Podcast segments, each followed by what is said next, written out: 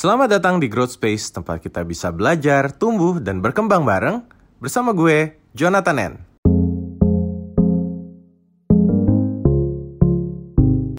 Oke, jadi buat teman-teman, uh, selamat datang sore ini. Kita balik lagi ngobrol-ngobrol santai aja, dan kali ini gue sudah mengundang Melvin. Melvin seorang financial planner, juga founder dari financialco.com. Thank you, John. Jadi, kita kita nggak apa ya, kita nggak usah ngomongin keuangan serius-serius lah. Jadi kita ngobrol-ngobrol aja ya. Dan kalau misalnya teman-teman ada pertanyaan, um, mau seputar finansial boleh ya seputar apa pun gitu investasi ya boleh lah gitu. Bisa tanyakan ke gue dan Melvin lumayan loh daripada kalian biasa konsultasi financial planner berapa Vin? Satu juta ya? Iya untuk dua jam. Tuh satu juta dua jam. Di sini kalian bisa tanya-tanya sendiri gratis gitu ya. Jadi jangan lewatkan kesempatan ini. Silahkan bertanya kalau mau tanya silahkan nanti angkat tangan aja jadi speaker uh, angkat tangan di bawah situ biar nanti gue akan angkat jadi speaker Nah, sekarang gue akan ke Melvin dulu. Vin, gimana Vin? Kabarnya sehat-sehat, Vin? Sehat-sehat, John. Lu kabar gimana? Sehat semua? Ya, mantap. Gini-gini aja sih. um, tapi ya sekarang paling enggak mulai apa ya? Kayaknya gue jadi um, event offline juga mulai nongol lagi gitu ya. Jadi gue juga mulai keluar rumah di satu sisi deg-degan tapi juga kayak oh slight change over. Jadi ya paling uh, kesehatan aja sih dijaga dalam artian prokes gitu ya. Kayaknya bakal lebih ketat tapi ya minimal ada ada angin sore lah. Wow angin sore. Jadi beda dikit. Lo sekarang lagi sibuk apa Vin? Lagi gue lagi siap apa nyiapin ini John. Apa? Uh, apps finansialku lagi diberesin siap launch terus kemudian uh, video-video online course yang terbarunya kita siap launch juga lagi diberesin semua produk-produknya John hmm oke okay. oke okay. udah kita langsung ngomongin bincang ringan finansial nih nah Ya. Jadi Vin, um, kan kayaknya juga banyak teman-teman apa uh, growth space di sini. Um, ini kan ada berbagai macam usia ya. Mm-hmm. Dari ada yang 20-an, mungkin masih kuliah atau baru lulus, ada yang 25 gitu ya, sudah satu dua tahun bekerja, ada juga yang mungkin 30-an. Ada nggak Vin, menurut lo tips-tips, kita bahas aja deh, di tiap usia ini 20, 25, sama 30 Vin. Kira-kira tips apa sih yang yang relevan buat hidup mereka gitu? Mungkin bukan tips ya John ya, kita ngobrol aja mungkin ya John karena kita sama-sama di kepala tiga, kita pernah lewat oh, kepala dua kan John. Sharing pengalaman ya? Iya. yeah. Kalau kalau dari gue ya mungkin dari di usia ke 20-an gue itu uh, boleh dibilang ya usia 25 gue tuh skip John 30 John. Ah skip gimana? Lo dari 20 tiba-tiba langsung 30 aja gitu? kerasa gitu John lima lima tahun tuh nggak kerasa John waktu ngegedein yang finansial aku awal-awal tuh lima tahun dua lima ke tiga puluh tuh saking larutnya jadi nggak terlalu merasakan kayak uh, FOMO-nya terus nggak terlalu ngerasain ini itunya fokusnya cuma untuk gedein research keuangan kode konten kode investasi sendiri aja ya jadi uh, ya uangnya jalan terus sebenarnya kalau buat gue sendiri gue bukan contoh yang baik ya karena nggak semua orang kan di usia 25 sampai 30-nya workaholic gitu. ya. Ya, sebenarnya bukan Lo contoh yang baik. finansialku di usia 25 ya berarti ya? 24 mungkin John, 24 itu. 25 itu sudah mulai ngeberesin satu-satu tuh mulai dirapiin terus zaman waktu itu tuh seingat gue tuh masih uh, awal-awal tuh John waktu pertama kali gue mulai tuh baru yang gede-gede ada Gojeknya masih belum segede sekarang terus kalau hmm. sudah uh, gue masih ingat tuh pada waktu itu ijo-ijo pertama kali di Jalan Raya Jakarta itu pertama kali Gojek keluar terus kemudian ada Traveloka terus ada Bukalapak itu pertama-tama gue baru belajar tentang oh tentang tentang tentang apa bisnis uh, startup itu seperti apa gitu. Oke, mungkin gue ubah sedikit jadi ya. Um, pertanyaan jadi usia 25 bikin bisnis gitu ya. Ya. yeah. Nah, kalau kenapa lo waktu lo waktu itu kan 25 um, berarti lo uh, lo bikinnya 24 berarti itu kayak baru-baru lulus ya. Lo sempat bekerja di kantor mana dulu nggak? Ada. Jadi gue ngikut orang dulu John, ngikut ngikut orang untuk ngumpulin modal modal duit sama modal pengalaman ya. Okay. Jadi gue pertama kali di bank ANZ. Sekarang udah nggak ada, banknya udah dibeli DBS. Terus sama satu lagi itu ikut di tempatnya ada perusahaan manufaktur lokal di kota Bandung John. Hmm. Nah, gue ngikut orang, gue udah sambil kuliah. Ya. Jadi jadi paginya lebih lebih dari dua tahun sih uh, mungkin tiga sampai empat tahun pertama ya karena pas itu tuh lulus kuliah kan uh, termasuk tepat waktu John hmm, baik jadi sempat kerja dulu sama orang ikut cuman memang kesalahannya adalah tidak tidak berani pindah ke Jakarta. Itu John nikmati Bandung gitu. Kenapa menurut lo itu bisa jadi faktor yang cukup krusial? Uh, uh, gimana ya John ya? Kalau misal waktu usia 25 itu kema uh, gue sudah pergi ke Jakarta Mungkin uh, pilihan yang terbaiknya adalah modelnya karirnya kayak lu John pertama John. Kerja di perusahaan startup itu tahu nih oh perusahaan startup itu uh, stylenya begini gitu. Karena yang gue ikut kan pas waktu zaman itu kerja di bank ya orang bank John. Hmm. Kalau orang bank itu tuh tipikalnya tuh kerjanya tuh itu lagi, itu lagi, itu lagi John. Hmm. Terus kalau kerjaan di tempatnya yang perusahaan lokal itu geraknya cepat, Cuma masih tidak secepat pace-nya kayak di Jakarta. Dan networknya belum seluas itu, John. Pada waktu itu. Nah, padahal kalau kita bisnis kan kita perlu network, John. Iya, iya. Jadi mungkin um, tips yang bisa uh, pelajaran yang bisa kita ambil ya dari dari dari kisah hidup lo yang yang sebentar ini di, di sebentar. Jadi kan sebenarnya uh, satu uh, mungkin cari network ya, network sama lo belajar sistem yang uh, apa ketika lo mau bikin perusahaan misalnya mm. lo bisa uh, belajar dari sistem yang sudah ada dulu ya misalnya tadi ikut perusahaan-perusahaan yang yang kurang lebih mungkin um, sistemnya itu sesuai dengan apa yang lo pengen bikin gitu ya Betul John. Jadi gue tidak perlu melakukan kesalahan-kesalahan yang sudah pernah dilakukan oleh perusahaan yang lebih besar. Right, right. Belajar dari pengalaman mereka ya. Benar John, benar ya, John. setuju sih, kan sebenarnya apalagi oke okay, kalau gue kan mungkin sebelum gue ke startup ya Vin kan gue sempat kerja di agensi yang multinasional juga ya um, di mana di situ ya mereka udah ada sistem yang udah berjalan belasan tahun puluhan tahun gue tinggal ngikut aja gitu ya dan ketika di startup yang nggak ada sistem juga gue jadi oh oke okay. um, di satu sisi pengalaman gue itu terba uh, apa membantu gitu oh ini bisa gue lakukan begini begitu meskipun gue harus tetap adaptif gimana caranya biar lebih cepat gitu ya di kondisi yang serba agile gitu.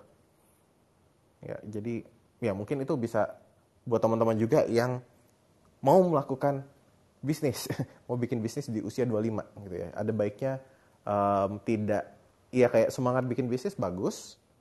Jangan sampai kalian mau bikin bisnis tapi nggak tahu gimana ngerjainnya juga. Bisa tanya-tanya. Um, menurut Melvin tadi salah satu caranya adalah kerja di Jakarta ya sebenarnya kalau dirunut lagi mungkin tadi kamu belajar sistem sama kamu gali network gitu. Nah ini juga uh, thank you Evin. Gue sekarang mau ke Siap. Om Lukman dulu. Om Lukman, cie Om. Kecil banget suaranya. Kecil banget. Like kecil banget. Salam kenal Pak Lukman. Ini kedengaran gak sih? Uh, clubhouse ini karena lihat lu aja. Vivo, uh, ada bisa nggak suaranya lebih gede atau mulutnya deketin dideketin ke mic atau pakai earphone? Oke, okay. Nah, ini mendingan, mendingan. Oke. Okay. Mendingan. Nah, Bibo ini kan mungkin kalau gue sama Melvin kan udah 30 ya, gitu kan. Yeah. Mungkin Bibo kan lebih senior gitu kalau nggak mau dibilang tua gitu kan. Betul. Um, nah, Bibo dulu 25 ngapain Bibo? 25 tuh tahun berapa ya? Kalau uh, Waduh. Bentar, bentar. 25 itu 98. Gue lagi happy-happy umur 25. Kenapa tuh? Gue umur 28 itu pada saat tahun 98 itu gue setiap liburan ya gue pasti jalan-jalan gitu. Karena yeah. kebetulan gue dua umur 28 gue lagi ngambil S2 John. Oke. okay. Gue lagi ngambil S2 di Boston. Jadi uh, ya namanya mas waktu Krismon John terus terang waktu hmm. krisis ya zaman orde baru ke orde reformasi gue lebih banyak memang uh, ngembangin network waktu itu karena kebetulan hmm. waktu gue kuliah di Boston itu banyak sekali uh, anak-anak pejabat kemudian anak orang-orang penting di Indonesia yang kebetulan itu ada di kota yang sama dengan gue waktu itu. Hmm, right. Working sama yang kedua yang paling benar gue lakukan adalah gue menggali sesuatu yang memang akhirnya dibutuhkan di periode sekarang, which is adalah emerging technologies. Jadi waktu itu kebetulan gue dapat kesempatan beasiswa, gue kuliah di Boston dan waktu itu memang lagi hype-hype-nya emerging technology ya kayak internet dan lain-lain dan akhirnya itu dipakai buat gua kerja di tahun 2000-an di Indonesia. Mm -hmm. Oke. Okay. Nah, terus um, kalau tadi kan dari Melvin sama Om Lukman juga salah satu kesamaan yang bisa dibilang uh, apa ya ada di di tiap era nih kayaknya nih. Adalah building network ya. Iya. Menurut nah aku mau tanya juga menurut uh, Bibo uh, dan juga uh, Melvin seberapa pengaruh sih network ini ke kondisi finansial kita nanti? Apakah akan berpengaruh sekarang atau di masa depan atau gimana? Hmm, gue percaya sih John, kalau silaturahmi itu buka pintu rezeki ya John. Gue percaya itu John. Hmm. Walaupun mungkin nggak langsung directly kita apa ya ketemu orang untuk nanti gue pengen dapat uang itu enggak, cuman buat temenan aja. Karena kalau banyak temen itu lebih enak John. Ya sesimpel itu sih John. Dan syukurnya sekarang kalau buat orang-orang yang introvert itu kan sekarang ada sosial media ya John. Ya. Nah, gue itu kadang-kadang ya suka ya kalau misal ketemu sama orang baru tuh ya dari komen, kemudian dari DM, ya gitu John. Right. Ya siapa tahu juga yeah. dapat pacar kan ya John dari dari dari dari Instagram gitu. Betul, betul. Gak cuma pacar, mungkin juga partner bisnis segala macam ya. ya betul, betul. Yang yang Kalo... pasti sih John gini John. Bibu, suaranya masih kecil lagi Bibu. Yang Maaf ya. pasti, ya. yang nah, pasti okay. gini. Siap. Networking itu open lot of doors ya uh, uh-huh. membuka pintu banyak banget. Yang pertama dengan networking kamu bisa dapat ilmu. Itu yang paling paling pertama gue kejar dari orang ketika gue networking adalah ilmunya dia. Uh. Yang kedua uh, pengalaman dia kan biasanya kan dia cerita gitu ya. Oh gue dulu begini begini gini gini.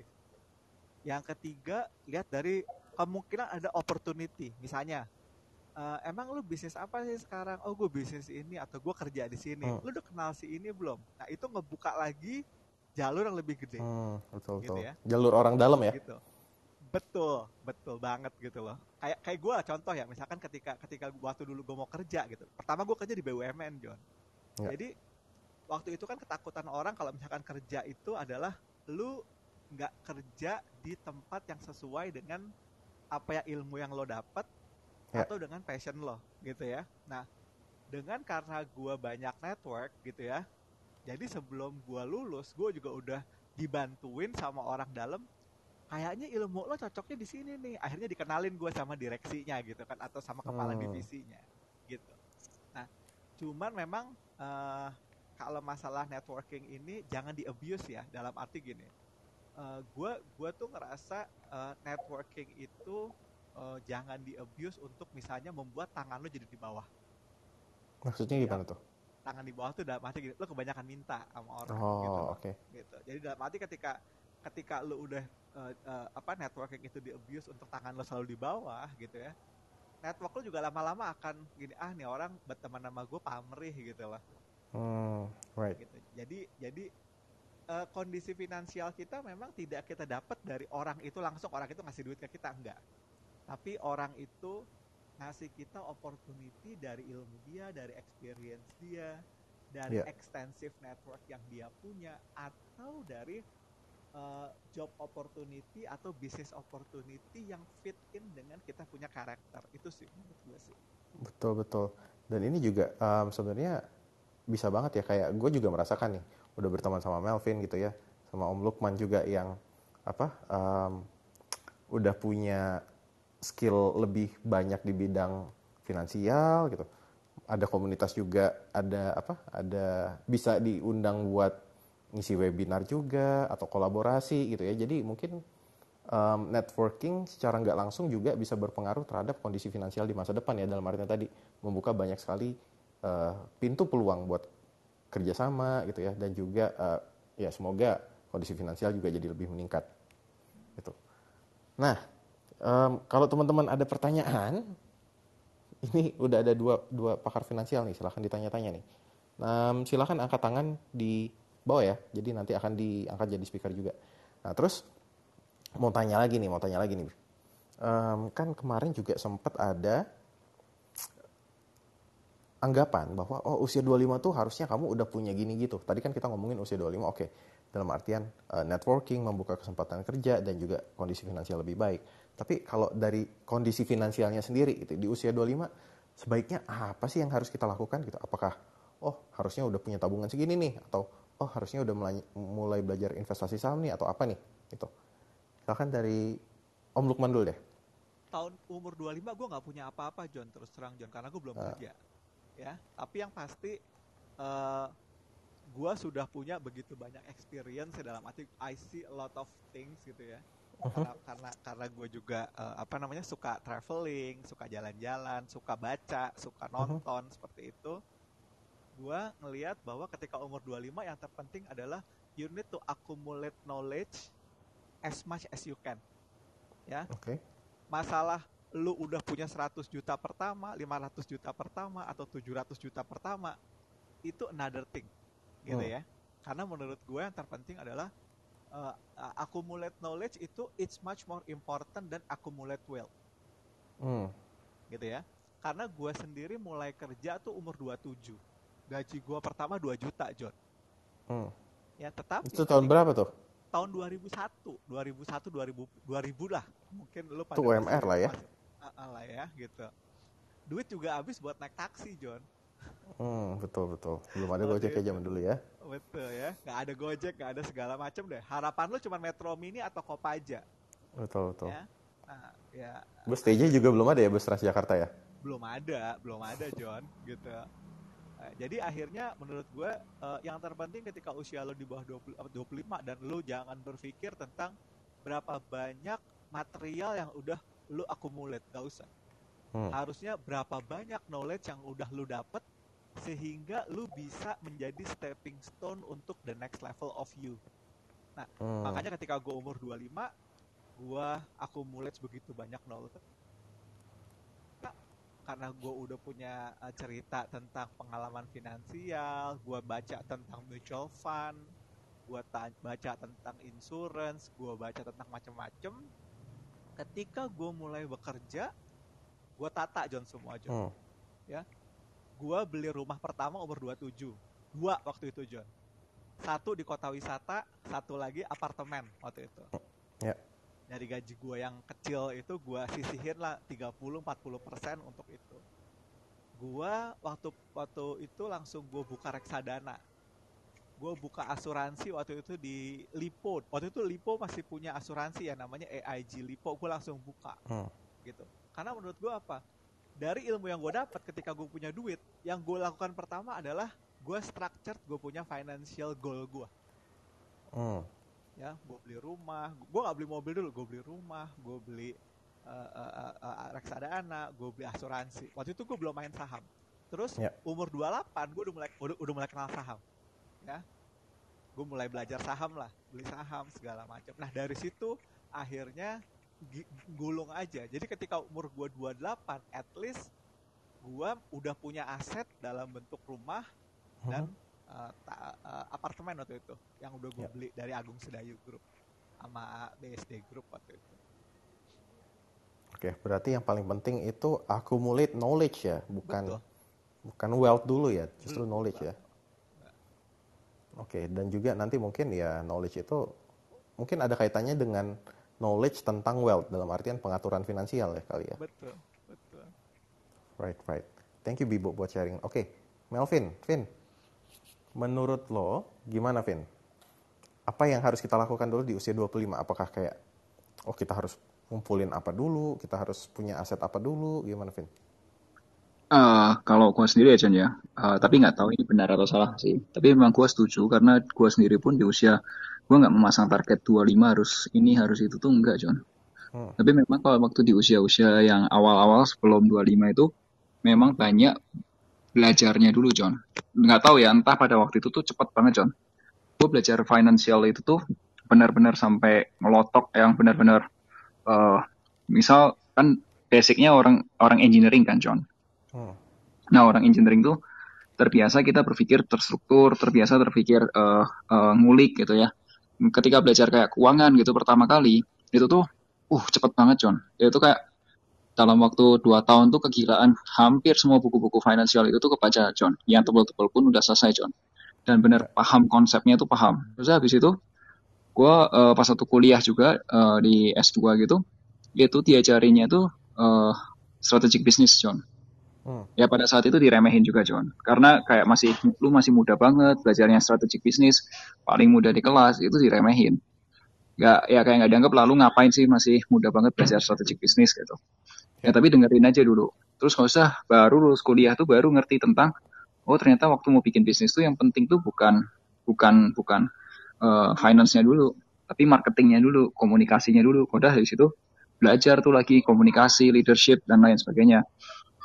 Nah menurutku sih uh, kalau aku pribadi ya, kalau aku pribadi sih nggak nggak nggak terlalu mengejar di usia 25 harus begini harus begini. Kalau jadi beban sendiri itu nggak bukan orang yang seambisius itu John. Tapi yang lebih penting uh, di usia sebelum 30 tuh pengennya tuh uh, lu punya kalau gue mikirnya ya, lu punya cukup bekal uh-huh. untuk nanti di usia lu yang lebih matang, lu lebih dewasa gitu. Uh-huh. Nggak istilahnya nggak apa ya, nggak ceroboh atau snubis gitu Ya. Jadi lu pernah lihat nggak sih anak-anak muda yang tiba-tiba, wih kaya gede, kaya gitu, karena karena apa pun gitu di usia mudanya kaya. Terus jatuhnya itu malah snubis gitu. Hmm. Jadi nabrak-nabrak gitu, nabrak-nabrak oh apa bisnis lo apa eh, peraturan-peraturan ditabrak, ini ditabrak, itu tabrak, udah jadi banyak musuh dan lain sebagainya. Nah, itu yang bahaya sebenarnya. Tapi kalau misal ada anak muda yang lebih sukses di usia di usia 20-annya dia, itu ya memang keren. Keren banget, John, karena nggak semua orang bisa begitu gitu. Ya, tapi kalau misal misal yang bisa dilakuin semua orang menurutku di usia 20-an itu ya gedein dulu uh, pengalamannya dia. Pengalaman, pengal apa?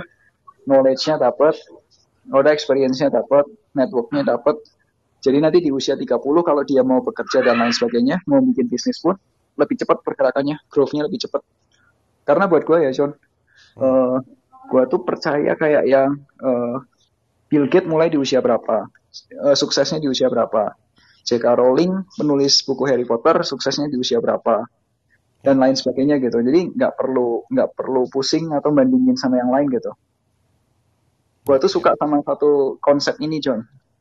Lu pernah dengar nggak ada konsep kayak gini John? Gue pernah dikasih tahu sama orang kayak gini. Jadi uh, kalau lu lihat di taman gitu kan biasanya ada bunga-bunga kan John. Yeah. Nah bunga-bunga itu biasanya tumbuhnya itu nggak satu, tapi berdampingan gitu. Kanan kirinya itu isinya bunga. Hmm. Dan mereka itu ketika ketika mereka mekar gitu, tumbuh gitu, itu kan semuanya indah kan John. Hmm. Satu sama yang lain, bunga yang satu sama yang lain itu saling melihat keindahannya satu sama lain, tapi mereka tidak merasa kok dia lebih lebih indah ya gitu. Dia tetap bangga dengan dirinya sendiri dan dia tetap yeah. appreciate orang lain. Nah, gue pikir konsep itu tuh yang hilang sekarang ini. Jadi yang dipamerin tuh usia segini sudah punya sekian, usia segini punya sekian. Sampai yang gue agak nyesel nih John ya. Pertama kali gue bikin konten, itu tuh gimana caranya ngumpulin 100 juta pertama. Begitu konten itu laku, terus konten dilaku sama pasar, kode semua dibikin John. Dari 100 juta pertama ada, hmm. 500 juta pertama ada, 1 miliar pertama aja, sampai berapa puluh miliar pun juga ada gitu. Jadi menurutku kok jadinya yang konten pertamanya mau sharing malah jadinya di, di, di, di membuat orang itu tuh kayak lu kalau usia sekian, misal usia 20-an, belum punya uang sekian, lu fail. Ya, betul. Menurut gue tidak begitu ya, kalau menurut gue ya. Tapi kalau menurut orang lain berbeda, mungkin sudut pandang berbeda aja sih. Tapi kalau buat gue, uh, ya nggak ada failnya gitu. Ya. Failed itu kalau menurut gue, kecuali kalau lu kayak gini, misal di usia 20 bulan lu, lu nggak ngapa-ngapain, lu males-malesan, atau lu, uh, misal uh, uh, kena obat gitu, atau lu melakukan tindakan kriminal. Nah itu bisa dibilang mungkin dibilang boleh dibilang fail gitu. Tapi kalau kamu keep moving tetap jalan terus tetap bertumbuh kayak kayak apa namanya kayak komunitas lu growth growth space ya itu nggak gagal sih menurutku kalau gue mengutip kata Paul Arden wow ada, jadi ada satu buku Paul Arden judulnya gini it's not how good you are it's how good you wanna be.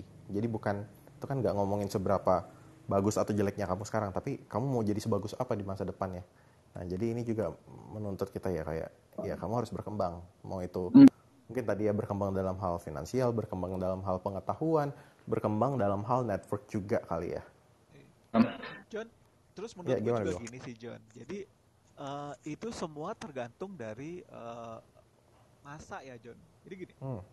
Mungkin eh, orang-orang zaman sekarang dengan orang-orang zaman dulu itu ukurannya berbeda John ya. ya. Jadi gini, kayak contoh lah, zaman gue tahun tahun 90-an gitu ya, tahun 90-an gitu. Ukuran kerennya anak Jakarta atau ukuran orang orang orang di ibu kota gitu ya. Hmm. Lu jadi penyiar radio.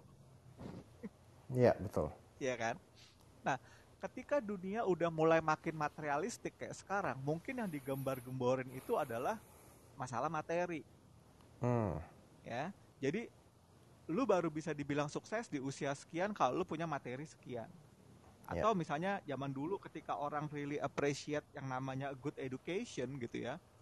Lu akan di appreciate ketika lu misalnya umur sekian lu bisa lulus dengan nilai gemilang. Hmm. Atau, atau S2 atau S3 gitu ya. Betul, betul. Ya kayak gue lah zaman dulu gue umur kenapa gue 25 itu gue uh, lagi masih kuliah gitu ya Ya. Karena memang waktu itu yang namanya lulusan S2 dari luar negeri itu masih sedikit, John. Hmm. Jadi it's, a, it's it's about the prestige ya, eh, apa namanya uh, uh, uh, sesuatu yang menurut gue tuh menjadi sebuah yang wow gitu kan. Teman-teman gue abis lulus S1 ngais-ngais cari duit gitu kan, gue udah bisa langsung kuliah lagi dan di luar negeri gitu kan. Nah, itu kan ukuran kerennya masa itu. Hmm, betul. Atau di mungkin di pergaulan anak-anak SMA waktu waktu misalkan tahun 90-an atau tahun 2000-an gitu, lu bakalan sukses bukan jadi bukan jadi inovator startup, tapi misalnya lu jadi penyiar radio hard rock, penyiar radio Prambos, penyiar betul, radio betul. apa seperti itu. Dan sekarang mungkin sekarang bikin bisnis sendiri adalah penyiar radio di masa itu ya. Betul. Dengan lo jadi entrepreneur lo keren Betul. gitu. Atau lo jadi selebgram sekarang, jadi selebgram, jadi tiktokers itu jadi jadi sesuatu yang achievement yang bisa dianggap di masa sekarang ini uh, apa ya diagungkan gitu loh. Dan kita nggak hmm, tahu yeah. Ya. uh, dalam lima tahun mendatang mungkin yang akan diagungkan orang adalah ketika lo mungkin udah jadi sosok yang sangat religius kita nggak tahu juga gitu loh. Ya, yeah, ya. Yeah. Makanya makanya sebenarnya sih kayak kayak begini sih uh, depends on timing juga sih ya. Depends on timing depends on uh, uh, persepsi dari uh, masyarakat tentang bagaimana ukuran sukses seseorang di masa itu. Itu ya. sih menurut gue sih. Betul. Dan definisi sukses berubah-ubah mulu jadi ya beda-beda mulu ya. Adaptif aja kita being adaptif aja. Kayak kayak misalkan sekarang uh, apa misalkan ukuran sukses mungkin uh, lima, lima tahun sekarang untuk orang yang umur 30 saat ini mungkin ukuran suksesnya adalah bisa pensiun di tiga umur 35 John. Ya. Betul betul. Kita bisa jadi. tahu, kan? bisa jadi gitu. Oke ini menarik. Dan ini juga gue sudah mengundang ada David. David tadi uh, apakah David mau sharing atau mau jadi oh, mau nanya-nanya atau gimana David? Kalau salam kenal sebelumnya Kak Jo, Kak Melvin, Kak Lukman, Kak Ibnu dan semua yang ada di sini. Kalau saya saya masih coba Kak Jonathan, kira-kira saya umur berapa kalau dari foto saya?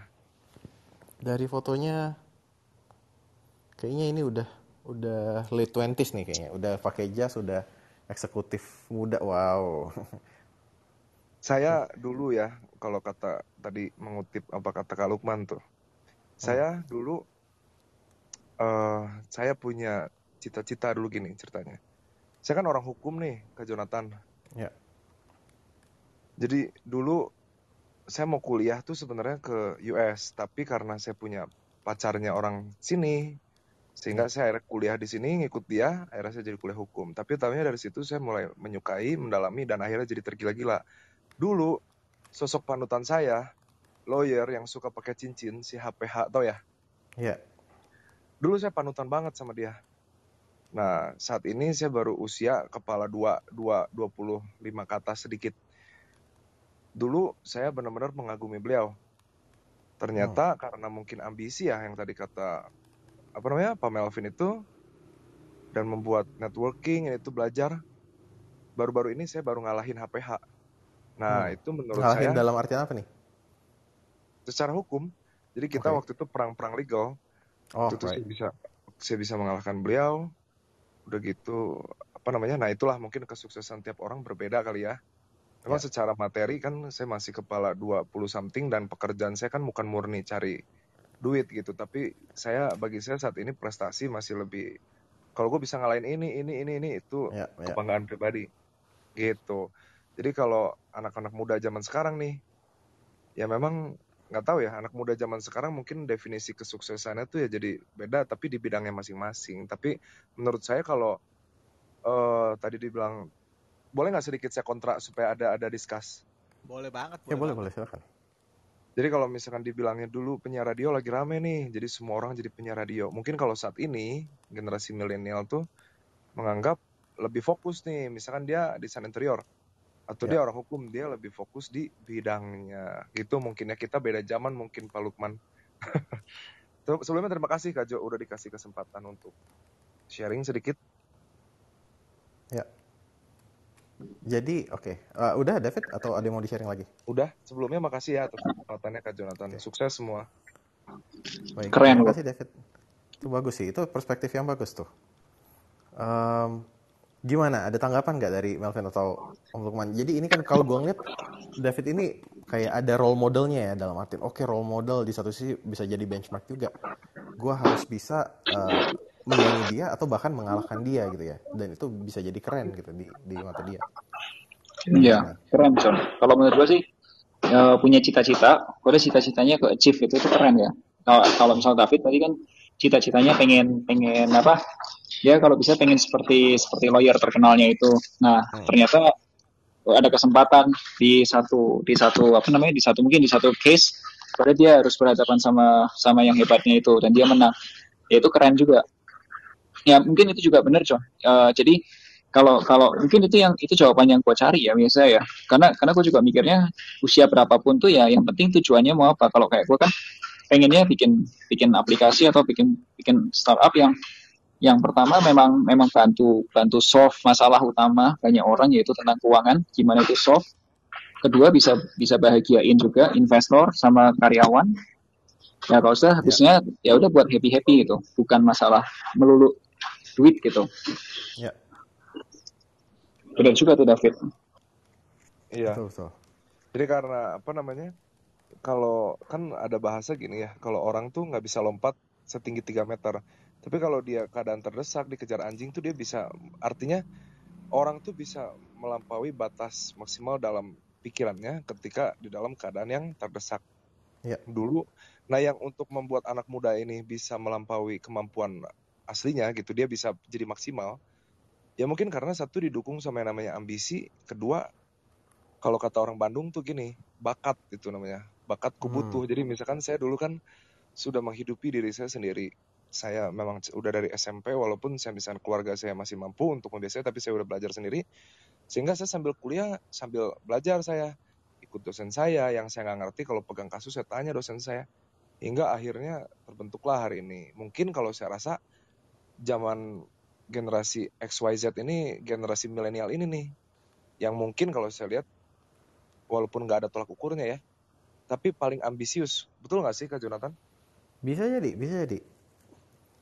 Mungkin ini pengaruh sosial media juga ya karena kan kita melihat sosial media adalah um, momen di mana bukan momen di mana banyak dari kita yang posting pencapaian kita di situ. Dan mungkin itu di satu sisi jadi bikin orang lain jadi iri atau mungkin orang lain jadi terpengaruh in a way. Mereka juga pengen melakukan itu juga. Bukan sosial medianya John. Kalau menurut gua gara-gara orang Betul. tuanya itu dari awal tuh lu lu kebayang gak sih zaman sekarang tuh orang tua itu tuh pengen anaknya nomor satu terus gitu. Dari awal itu sudah di udah di push gitu padahal ya mereka masih kecil biarin aja gitu. Tapi ternyata sama orang tuanya itu di push terus jadi ya ambisius gitu. John betul betul. Eh ini mungkin gue uh, pernah ngobrol dengan ada teman gue yang dia juga seorang ibu ya. Jadi um, waktu itu dia bagi raport uh, anak uh, anaknya sudah SD gitu ya di sekolah internasional bagi raport gitu kan. Dan um, gue bertanya gitu eh memang kalau di sekolah internasional gitu penilaiannya gimana sih? Nah kebetulan sekolah dia ini gue lupa sekolahnya apa um, dia itu nggak ada sistem ranking. Gitu. kalau biasa kan kita kalau gue dulu ya gue tuh ada ranking oke okay, siapa yang nilainya paling gede? Ranking satu ranking dua dan seterusnya sampai ranking 40 gitu. Jadi kita terbiasa kayak dibandingin dan harus jadi yang paling bagus gitu. Nah tapi di sekolah ini dia tuh nggak ada nggak ada sistem ranking. Tapi yang ada itu kayak apa ya? Dia ada badge gitu loh jadi penghargaan. Oke misalnya anak ini oh anak ini dapat badge karena dia anaknya kolaboratif gitu. Oh anak ini dapat badge karena dia problem solver. Jadi they focus on the quality dan mereka nurturing di situ dan kasih penghargaan di situ. Gitu. Jadi um, nggak nggak soal siapa yang lebih baik dari yang lain gitu tapi mungkin hal-hal itu juga yang perlu kita perhatiin nih sih gitu. oke ini agak melenceng sedikit dari ngomong finansial balik lagi balik lagi um, nah kalau misalnya uh, eh, gue mau nanya ke Melvin dan uh, Om Lukman juga nih Wibo jadi kalau misalnya tadi ya dari ngomongin uh, dari kasus David oke okay, gue punya role model terus gue pengen ngalahin dia gitu ya nah bisa nggak ini kita terapin di kasus finansial misalnya? Oke, okay, gue pengen punya role model gue dalam hal finansial misalnya si uh, entrepreneur A gitu. Wah dia um, net asetnya udah sekian ini gitu, dia udah punya rumah, punya yacht gitu kan. Um, apakah sebaiknya bisa kita jadikan role model gitu? Oh, gue pengen kayak gitu ngalahin dia atau gimana nih kalau dalam finansial?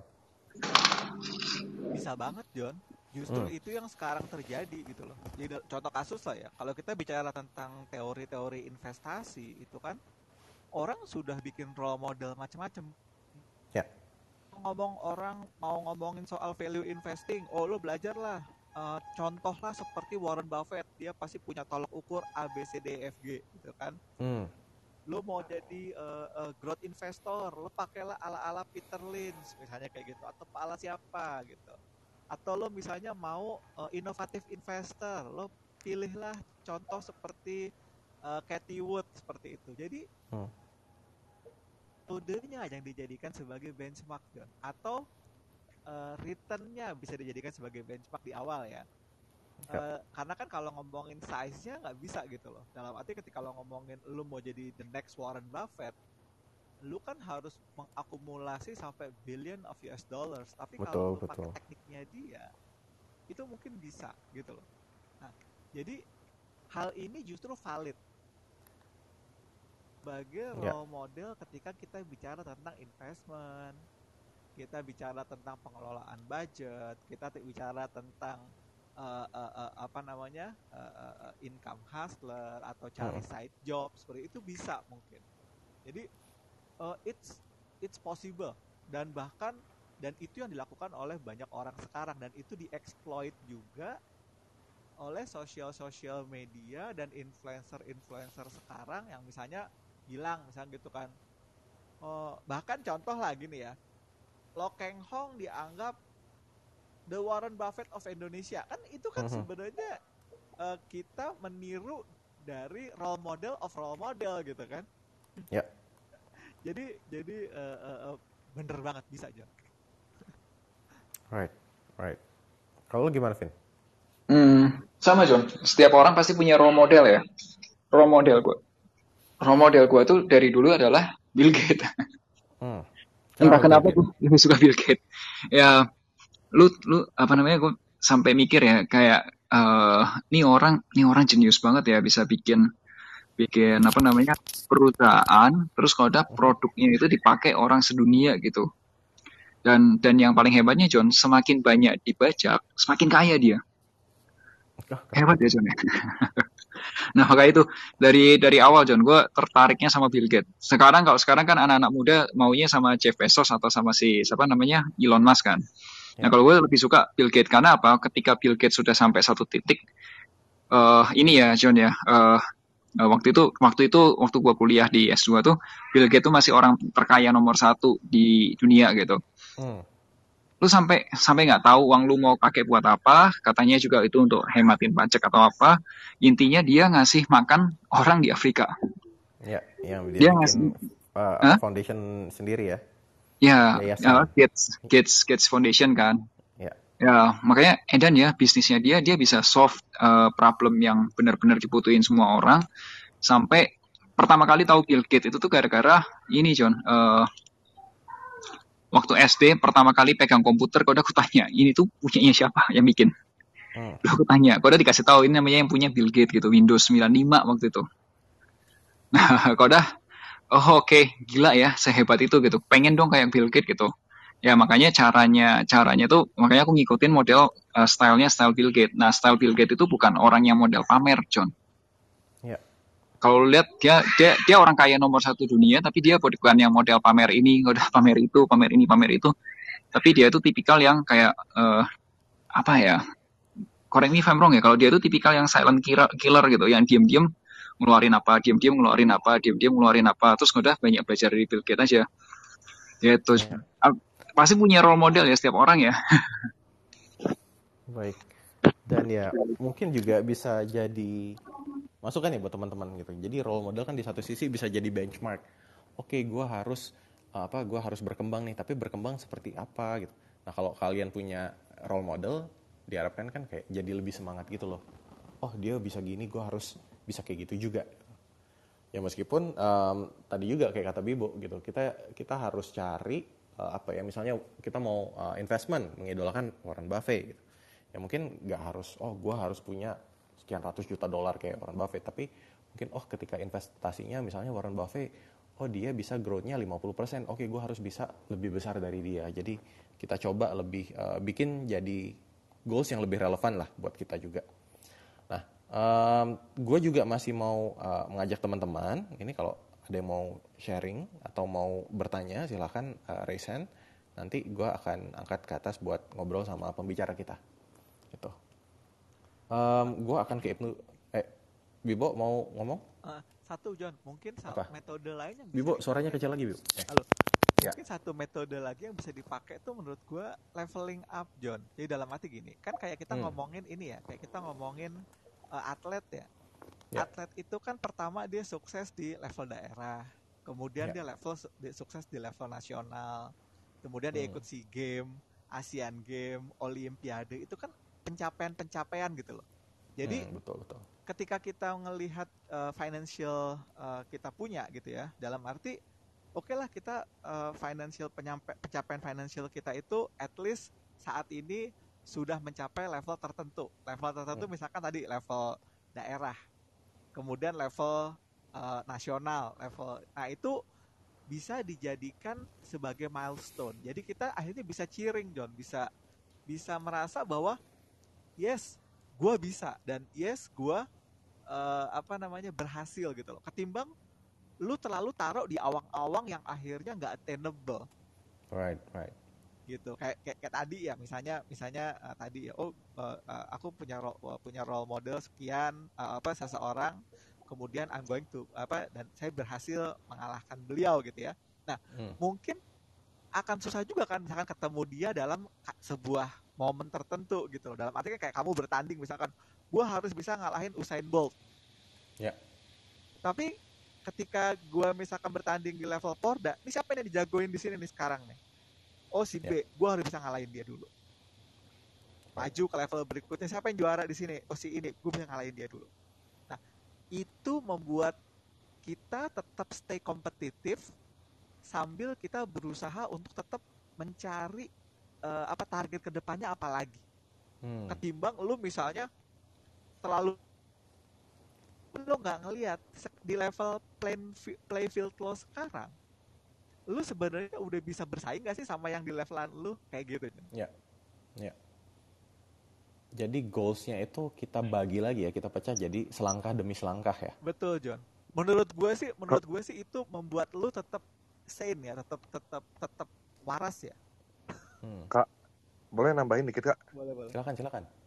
Saya benar-benar setuju banget sama omongan Kak Lukman.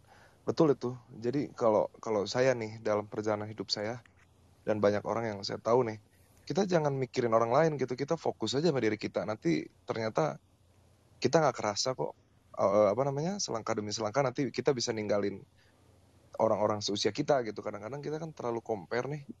Dia udah punya apa itu habis waktunya begitu daripada begitu mending lu kerja aja udah cari duit. Ya. Saya mau nanya nih satu sama Kak Jonathan nih. Kalau Kak Jonathan percaya nggak sama yang namanya hoki? Hoki. Bisa jadi, hmm. bisa jadi. Percaya. Kenapa tuh? Enggak, pertanyaan saya percaya apa enggak gitu, Kak? Percaya, percaya. Hoki luck oh. kan sebenarnya. Mm -hmm. Kalau sahamnya sih saya nggak percaya. Kalau apa? Kalau sahamnya LUCK sih saya nggak percaya, tapi luck saya percaya. Enggak, Kalau internal. Sunton gimana? saya kemarin Aduh. habis hampir satu setengah miliar situ. Waduh, ya udah belajar dari pengalaman ya. Saya Bill Gates saya milenial ya. Saya dan saya bukan pengagum Jeff Bezos sama Elon hmm. Musk, saya pengagum Bill Gates juga sama Kak Lukman. Hmm. Ya terus. Tapi John, tapi John tadi ya yang yang disebutin si uh, David ya lu percaya sama luck yes memang karena luck itu boleh dibilang uh, satu faktor yang uh, tidak bisa dihindari dan kalau memang itu sudah menjadi destiny kamu takdir kamu pasti kamu dapetin di situ gitu hmm. kalau gue sih lebih lebih, lebih ngelihat faktor luck hoki itu sebagai ya itu takdir gitu loh dan gue sebagai gue percaya takdir gitu loh. Ya kalau gue menurut gue gini luck itu luck itu pasti ada. Tapi masalahnya kita bisa manifest uh, bukan manifest kita bisa um, take the opportunity nggak? Misalnya gini misalnya gini. Taruhlah sekarang ya sekarang gua um, orang bilang gue beruntung nih misalnya punya uh, asisten rumah tangga yang jago masak. Jadinya gue juga bisa bisnis buka bisnis makanan sama dia itu nah orang bilang gue beruntung gue bisa ketemu dia tapi kalau dipikir-pikir gini gue kerja marketing 10 tahun gitu ya marketing sosial media dan gue jadi content creator juga um, Sedangkan asisten rumah tangga gue, dia udah mulai, dia udah belajar masak dari usia 12 tahun. Sekarang dia 30-an. Jadi kayak 20 tahun lebih dia belajar masak gitu. Dia masak gitu kan. Nah, ini kan juga dia ada skillnya dan gue ada skillnya. Taruhlah dia jago masak gitu ya. Tapi gue nggak jago jualan. Mungkin gue nggak akan bisa bikin bisnis sama dia. Mungkin ya udah dia hanya akan jadi uh, ART aja, nggak nggak nggak gue jual gitu kasarnya. Tapi taruhlah gue jago jualan, tapi dia nggak bisa masak ini gue juga nggak akan bisa bikin bisnis gitu jadi kayak kesempat uh, luck itu jadi termanifestasi ketika kita juga ada skill dan knowledge yang tepat gitu untuk uh, mengubah itu jadi sesuatu gitu ada bagian itunya juga jadi mungkin apa ya mungkin ada orang-orang yang sebenarnya ada banyak kesempatan ya ada banyak keberuntungan nongol depan depan mata dia tapi dia nggak bisa ngelihat itu sebagai peluang sebagai luck atau hoki yang bisa gue ambil nih gitu. Tapi ya. itu apa namanya kalau misalnya kayak Kak Jonathan ya jual hmm. nasi goreng nih, skillnya bagus. Hmm. Tapi si B juga jual nasi goreng, skillnya bagus. Tapi atau tak taruh lagi nih deh. Di dalam suatu mall semua produknya bagus tapi kenapa orang belinya ke si A atau si B si C gitu lah. Mungkin ya. padahal semuanya marketingnya sama brandingnya sama. Atau apakah itu faktor lah atau apa. Saya sih percaya banget ya sama yang namanya hoki. Nah, soalnya betul, Bill Gates tapi... ada soalnya ada cerita hmm. Bill Gates begini. Kan dulu katanya Bill Gates tuh sempat ngerasain miskin tuh zaman dulunya. Terus yeah. Bill Gates tuh katanya dulu mau baca jadi gini ada cerita gini uh, ada tukang koran. Terus tiap hari dia ada orang datang ke sana baca tapi bacanya dari rada nggak nggak dekat gitu. Hmm. jadi ikut baca gitu kan tiap hari gitu akhirnya dikasih sama si tukang korannya dikasih. Terus tiap hari dikasih. Udah gitu suatu hari seorang itu balik. Bapak tahu nggak saya siapa? Tahu lah. Siapa? Bill Gates katanya. Bapak tahu sekarang sih orang terkaya? Tahu. Ternyata di zaman waktu Bill Gates masih susah pun katanya dia banyak bersedekah katanya. Ini nggak tahu ya omongan saya tuh sebenarnya nggak logis. Tapi katanya banyak bersedekah dia tuh. Makanya itulah yang membuat dia menjadi maju. Karena Bill Gates pernah ngomong gini semua orang banyak orang yang lebih pintar dari saya tapi saya lebih kaya dari mereka karena di saat ini saya miskin tapi saya masih bisa bersedekah. Nggak tahu ya omongan saya ini logis nggak? Pemik itu soalnya saya ngutip saya pernah baca itu saya lupa di mana hmm. beritanya tapi saya ingat gitu tahu bagi pengusaha-pengusaha seperti Kak Jonathan yang udah sukses apakah omongan itu masuk nggak ke dalam nalar bisnis gitu loh hmm, ini oke okay. mungkin menurut gue hal yang berbeda ya gini bersedekah menurut gue itu di satu sisi membantu kita mempunyai mindset kaya Kenapa? Karena ya kita jadi um, gini, ketika kita memberikan gitu ya, um, di satu sisi kita jadi merasa uh, nggak uh, mikirin cuma kita doang satu. Kedua dari sisi uang yang ada itu pasti akan selalu bisa dikasih ke orang lain gitu. Jadi kita nggak mikirin diri sendiri, kita jadinya nggak um, sudah bisa lebih puas dengan aset yang kita punya gitu. Sehingga kita juga merasa kaya. Taruhlah misalnya oke, okay, gue punya satu juta gitu tapi oh satu juta ini masih bisa gue bagi orang misalnya 10% atau 10 ribu 20 ribu gitu ya masih bisa gue bagi orang nih nah itu kan sebenarnya mindsetnya beda dengan aduh gue satu juta satu juta gue nggak cukup nih. Ngapain sih gue bagi-bagi orang? Gitu. Jadi ya udah lah mending gue simpen sendiri. Karena menurut gue satu juta ini masih belum cukup. Nah jadi um, mungkin lebih ke kaitannya ada kebagian ketenangan diri. Itu jadi lo nggak nggak cuma mikirin materi doang tapi lo mikirin satu yang satu orang uh, satu hal yang lebih penting yaitu orang lain gitu. Gitu loh. Itu menurut gue itu masalah mindset. Tapi nggak tahu deh apakah itu mungkin bisa jadi uh, karena lo rajin bersedekah di satu sisi lo jadi didoakan orang gitu ya um, sehingga uh, orang orang juga jadi lebih terbuka sama lo jadi lebih membantu lo gitu bisa jadi seperti itu juga jadinya tadi peluang banyak lagi peluang-peluang yang balik ke lo atau mungkin semesta melihat oh orang ini rajin membagikan rezeki ke orang, oke okay, gue akan memberikan lebih banyak rezeki ke dia buat disalurkan ke orang lain. Bisa jadi seperti itu juga. Gimana menurut Melvin sama Om Lukman nih? John, gue nggak mau ngomongin soal sedekah ya, karena sedekah itu nanti uh, urusannya Ustadz Yusuf Mansur deh. Temen gue. uh, kalau gue uh, percaya dengan yang uh, omongin tadi tentang hubungan lu sama uh, itu ya, uh, apa namanya, Mbak War di rumah ya. Jadi hmm itu juga terkait dengan uh, bagaimana kita kelola duit sih John. Jadi gini yeah. ya, uh, orang selalu bertanya sama gue, uh, kapan sih sebenarnya uh, periode terbaik untuk membuat orang jadi kaya gitu kan? Pada saat terjadi krisis. Hmm. Tetapi pada saat terjadi krisis, pastikan lu punya resource, punya punya dana gitu kan? Yeah. Jadi makanya ketika waktu itu uh, tahun 2020 bursa sempat uh, drop ke 3911 gitu ya dan orang melihat itu sebagai buy opportunity, mereka yang membeli di harga bottom di harga pada saat IHSG 3911 itu kan uh, opportunity-nya nggak nggak nggak strike uh, setiap saat gitu kan. Ya. Ya kan? Itu itu opportunity. Tetapi akan jadi bagus kalau lu punya resource, lu punya fund.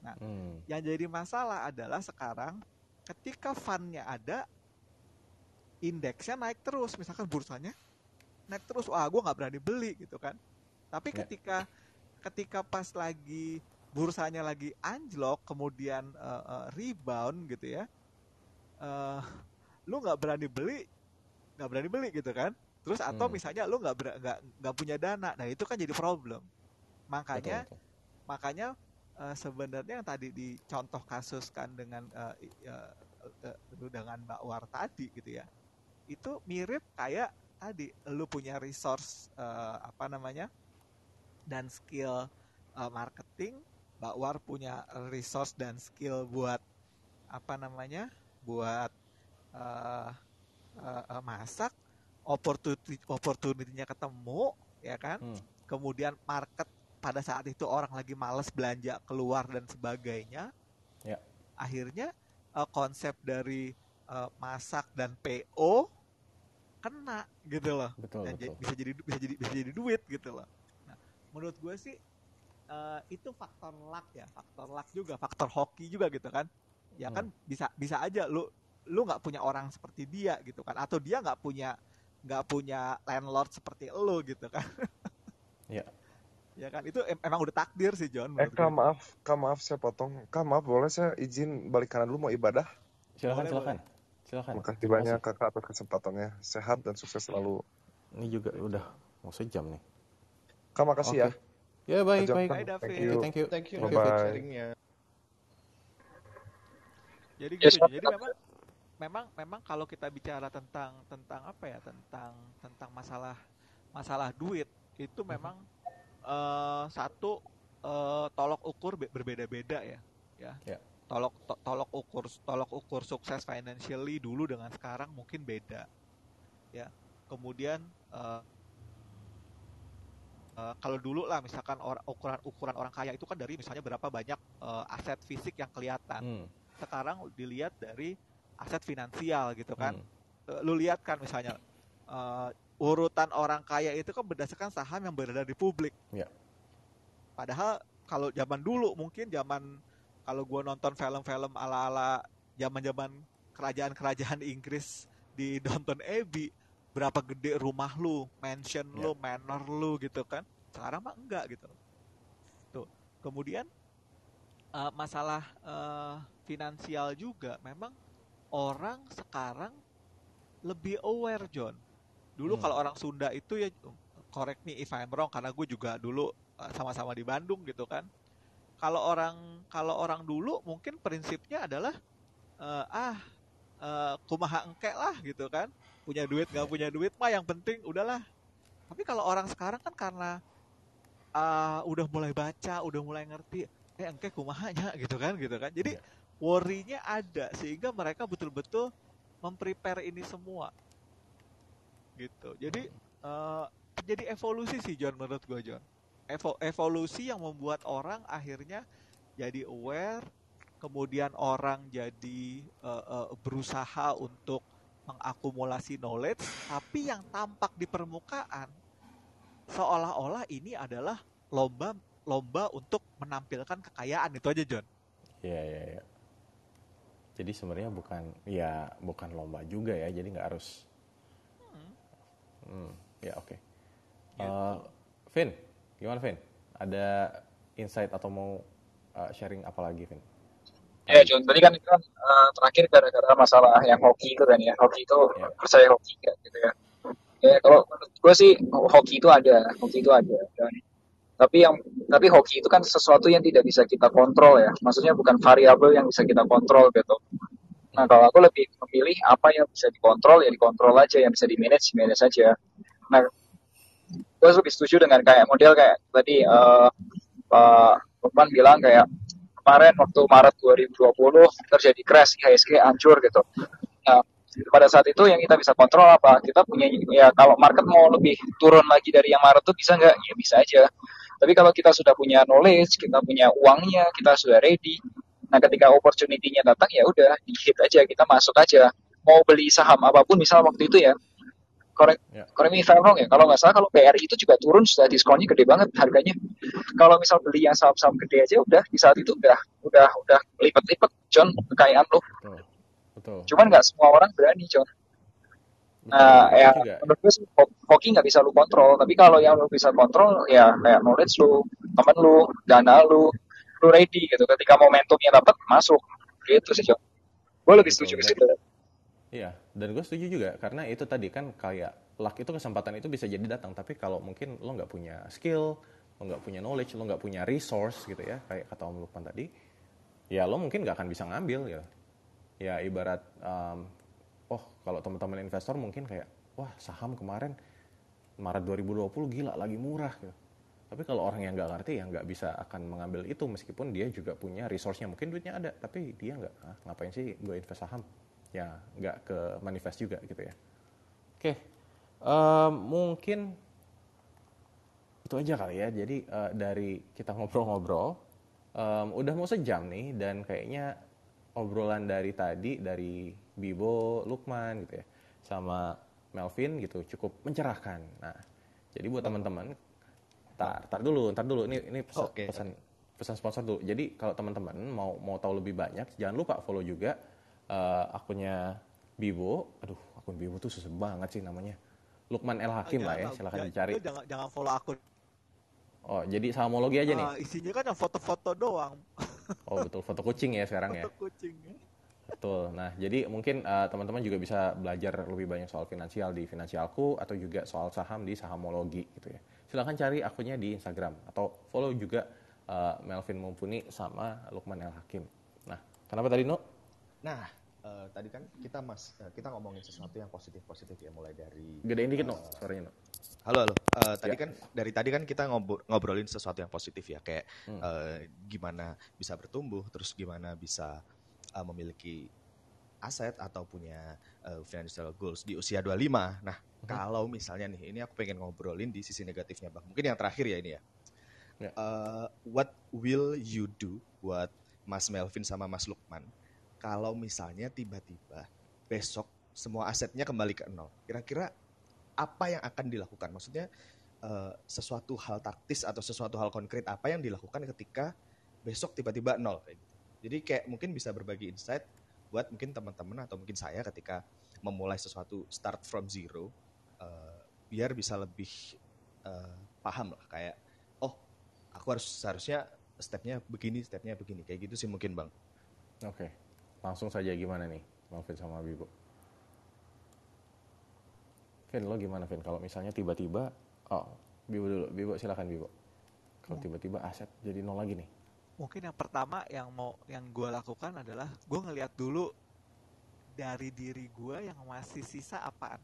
Dalam arti tuh misalnya gini sekarang, uh, kan uh, kita punya skill dan knowledge itu macam-macam ya. Misalnya, uh, oh uh, aku punya skill uh, nulis, aku punya skill public speaking, aku punya skill gitu ya